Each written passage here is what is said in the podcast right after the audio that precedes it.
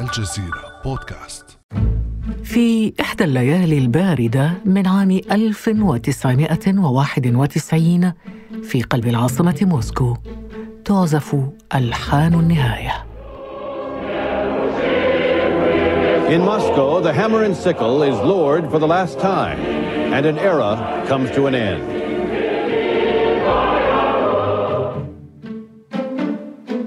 كان هبوط عالم المطرقة والمنجل إعلانا لبداية عصر الهيمنة الأمريكية المبشر بالديمقراطية وحقوق الإنسان.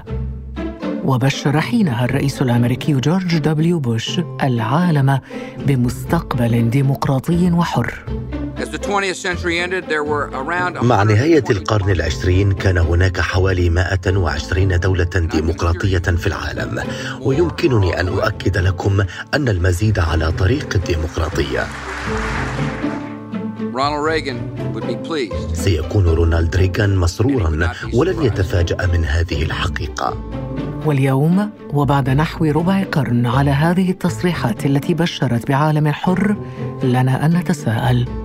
ما واقع الديمقراطية اليوم في عالم يشهد صعود تيار الشعبويه وما واقعها في العالم العربي. وهل لعبت جائحة كورونا دورا في تراجع الديمقراطيات وفي إضعاف الحريات وحقوق الإنسان؟ بعد أمس من الجزيرة بودكاست أنا خديجة بن جنة.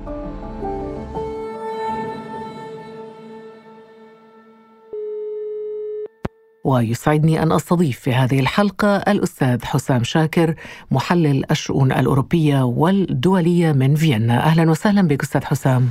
تحية طيبة لكم والمستمعين والمستمعات. أستاذ حسام شاكر لو بدأنا بالمؤشرات التي قدمتها منظمة فريدوم هاوس الأمريكية بخصوص الحرية تحديدا مؤشر الحرية يشير إلى انخفاض واضح في مستوى الحريات في دول مثل أمريكا وأستراليا ويشير أيضا إلى تراجع لديمقراطية في دول مثل بولندا والمجر هل يشهد العالم برأيك تراجع واضح في الديمقراطية؟ آه، ما بين أيدينا من مؤشرات آه، يوحي بأن ثمة أزمة في المشروع الديمقراطي عموما جودة الأداء الديمقراطي تتراجع في بيئات عدة بما فيها البيئات الأوروبية والولايات المتحدة الأمريكية في عهد ترامب مثال واضح أيضا في هذا الشأن. وفي تقديري أن أزمة المشروع الديمقراطي عمليا آه، واضحة من خلال احتضانها بعض الظواهر مثل الشعبوية مثل المزايدات السياسية مثل أيضا آه، محاولة التلاعب باتجاهات الرأي العام في بعض المحطات. المؤكد حقا أن لدينا مشكلة الآن في اتجاهات الديمقراطية بالإضافة إلى ما يحصل من صعود الانقلابات العسكرية في بلدان أفريقية آه، وأسيوية وغيرها، في تقديري نحن إزاء معضلة وواضح أن الوعود التي قدمها جورج بوش الابن بشأن آه، بشأن آه، نشر الديمقراطية عمليا كانت جوفاء إلى حد كبير. واضح أن الشعبوية هي من ثمار هذا التراجع للديمقراطية وربما زادت أو زاد تيار الشعبوية في عهد دونالد ترامب. كيف يمكن أن ينعكس انتشار الشعبوية برأيك على مستقبل الديمقراطيات في العالم؟ في تقديري أن المؤشرات تدعو إلى التشاؤم في هذا الشأن. مثلا كبرى ديمقراطيات الأرض وهي الهند كما كانت توصف بهذا تشهد صعودا جارفا لحمى عنصرية إلى حد ما فاشية.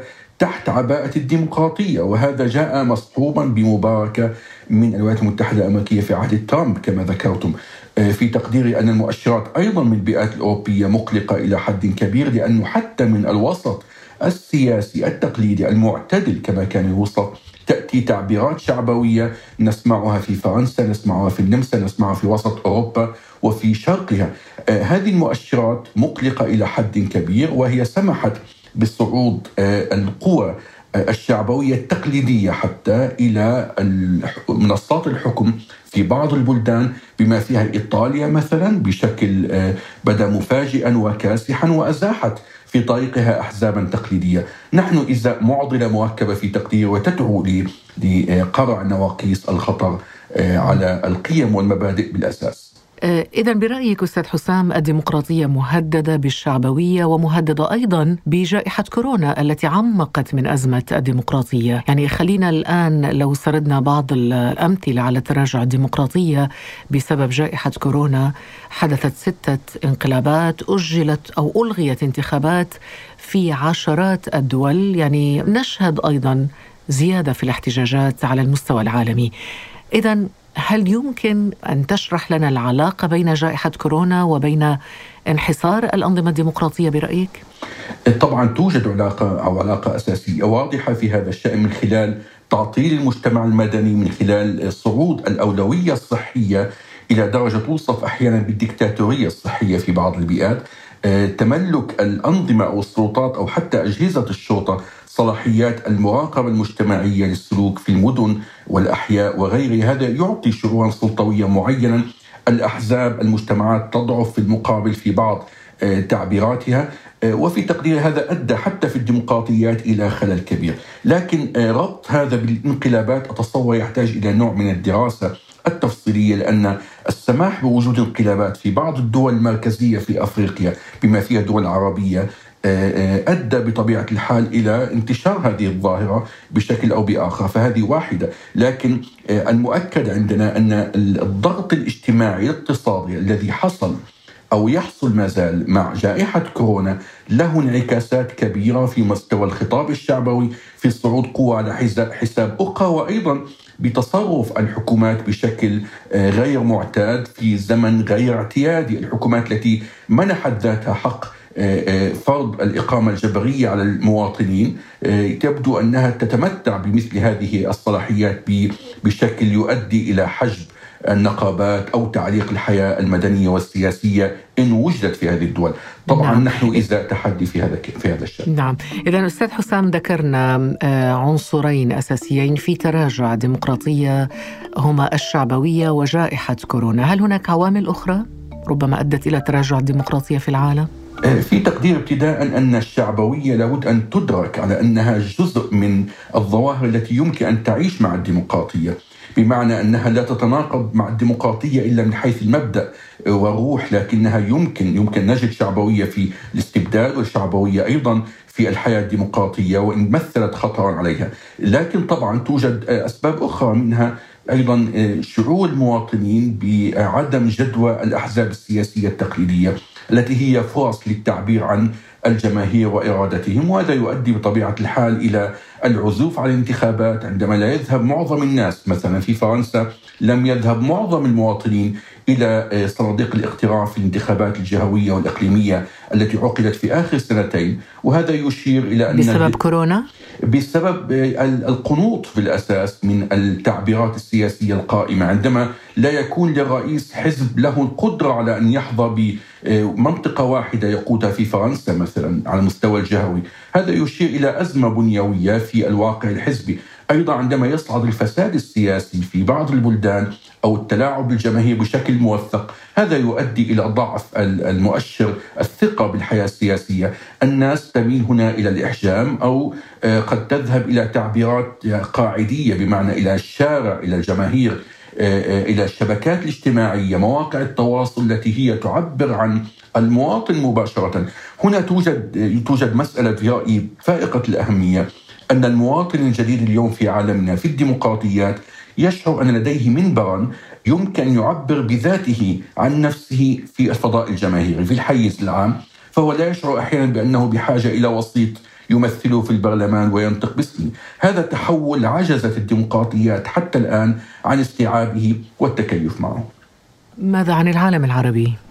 العالم العربي يواجه تحديات كبيرة. يبدو يبدو أن المعروض في أفق العالم العربي هو آه، نوع من الاستبداد المستدام أو ديمقراطية التفتيت والتشظي والمحاصصات غير المجدية، بمعنى لو حاولنا أن نتأمل توجد في بعض البلدان آه، إجراءات من الناحية الإجرائية تبدو ديمقراطية لكنها تناسب السلطات السلطات آه، لكي تهضم القوى السياسية بشكل مستمر، ف تستخدم الحياة التشريعية البرلمانية الانتخابات لهضم المعارضات والقوى السياسية وإخراج أحيانا من الساحة شيئا فشيئا.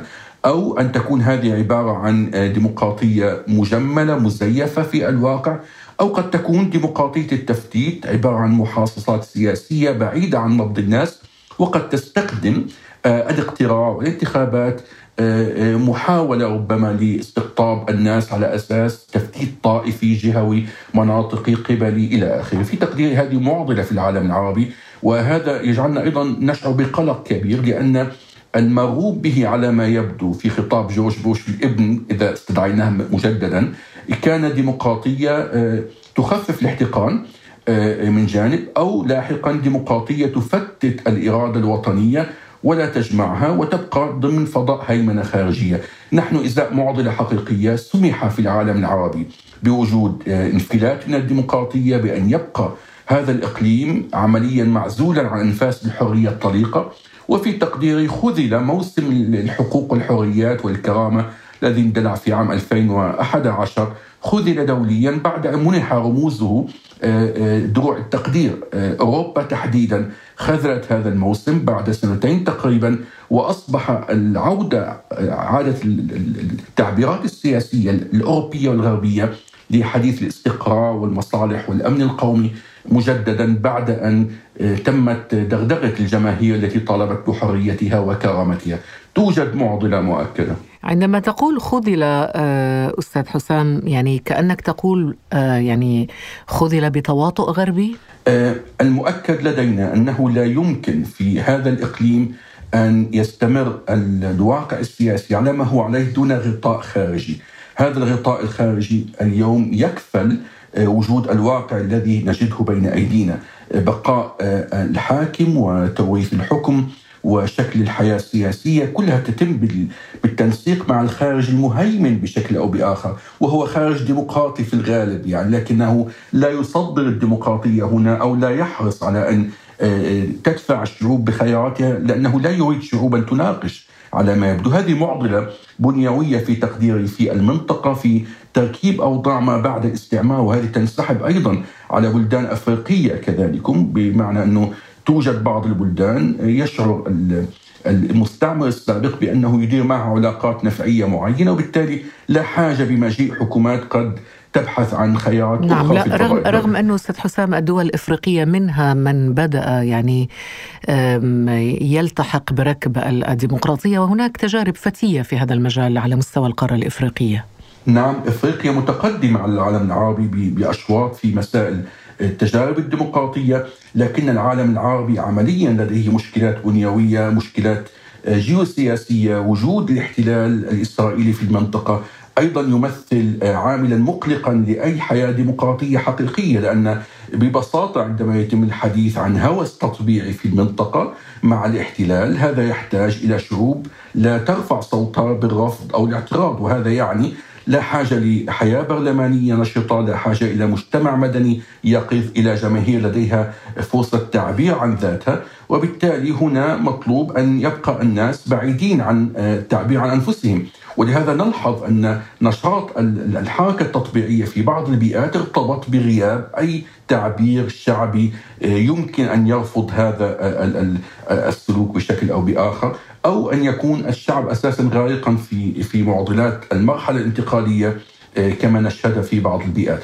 آه، نحن بالتالي هنا نتحدث عن آه، إشكالية مركبة الإشكالية الاستبداد الداخلي هنا تتناغم مع إرادة خارجية توفر له الخطاب وهذه الإرادة الخارجية تعمل بمنطق المصالح والأمن القومي وليست بمنطق الالتزامات الديمقراطية في الفضاء المعولم طيب لو حاولنا أن نستشرف في آه، سؤالنا الأخير المستقبل طبعا والتحديات كثيرة وذكرت آه، الآن أستاذ حسام بعض الأمثلة من العالم العربي آه، كيف ترى مستقبل الديمقراطية في العالم العربي وفي العالم بشكل عام؟ في تقديري على المستوى العالمي الديمقراطية تواجه أزمة عبر عنها في بعض المنصات المختصة بأنها تحتضر كانت هذه تعبيرات متشائمة بطبيعة الحال ولكنها تواجه أزمة حقيقية فيما يتعلق بتطوير ذاتها، هل تستطيع تطور ذاتها بشكل يتماشى مع هذه التحديات والمتغيرات؟ على المستوى الأوروبي والغربي الديمقراطية فيها هزات محتملة مع صعود وجوه ربما تكون بعيدة عن الالتزامات القيمية والمبدئية وهذا نجده مثلا أمامنا الآن وقد يزداد. في المستوى العربي واضح تماما بأن سؤال الاستقلال والسيادة مرتبط بسؤال الديمقراطية بشكل أو بآخر بمعنى يمكن للشعب أن يحرز الحق في الذهاب إلى صناديق الاقتراع ولكن قد يكبل الشعب من بعد بالتزامات خارجية تحبط مشروعه قد تتواطأ عليه ثمة حاجة إلى مقاربة خارج صندوق الأدوات التقليدية. مقاربة تستنهض إرادة الشعوب تستنهض روح الحرية والكرامة والديمقراطية وأيضا تدرك قدرتها على أن تقول لا لمحاولة التلاعب بمصائرها سواء كانت هذه محاولات داخلية أو خارجية. دون أن تدرك الجماهير أنها عمليا خذلت بوضوح في موسم الربيع العربي خذلت إرادتها وتم التواطؤ عليها بشكل أو بآخر وأن تصارح الأطراف المؤثرة في المشهد الداخلي بأنها عمليا عليها مسؤولية كبيرة في هذا الشأن فيما مضت إليه الأوضاع دون أن تصرح يصرح بالأمور على حقيقتها يصعب الحديث عن استدراك حقيقي. ستواجه الشعوب نفس المصائب فيما هو آت وفي تقديري ثمة من لا يريد لشعوب العرب مشرقا ومغربا. أن تنعم بالحرية والديمقراطية إذا إذا المسار طويل على ما يبدو وطويل جدا ويحتاج إلى الصبر وإلى نفس طويل ولكن ربما نحن نستعجل أيضا أستاذ حسام. جني الثمار لأنه عبر التاريخ التجارب التي أوصلت الدول الغربية إلى الديمقراطية أخذت زمنا طويلا. يعني فرنسا بعد الثورة الفرنسية نحن الآن في الجمهورية الخامسة في فرنسا أخذت قرون من الزمن. نعم هذا بكل تأكيد. ومن المؤلم أن يقول المرء أن الطريق إلى الديمقراطية الديمقراطية التي لا تحظى بدعم خارجي الطريق إليها غالبا ما يكون طريق أشلاء ودماء. وأنقاض وهذا ما لا نريده لهذه المنطقة ولا لغيرها بطبيعة الحال. التحديات قائمة وما نشهده الآن في في بلدان عربية معينة هي الأثمان الصعبة للحرية التي يؤمل ألا تكون قد ذهبت هدرا. شكرا جزيلا لك الأستاذ حسام شاكر محلل الشؤون الأوروبية والدولية. كنت معنا من فيينا. مع التحية والتقدير لكم. بارك الله فيك. كان هذا بعد أمس.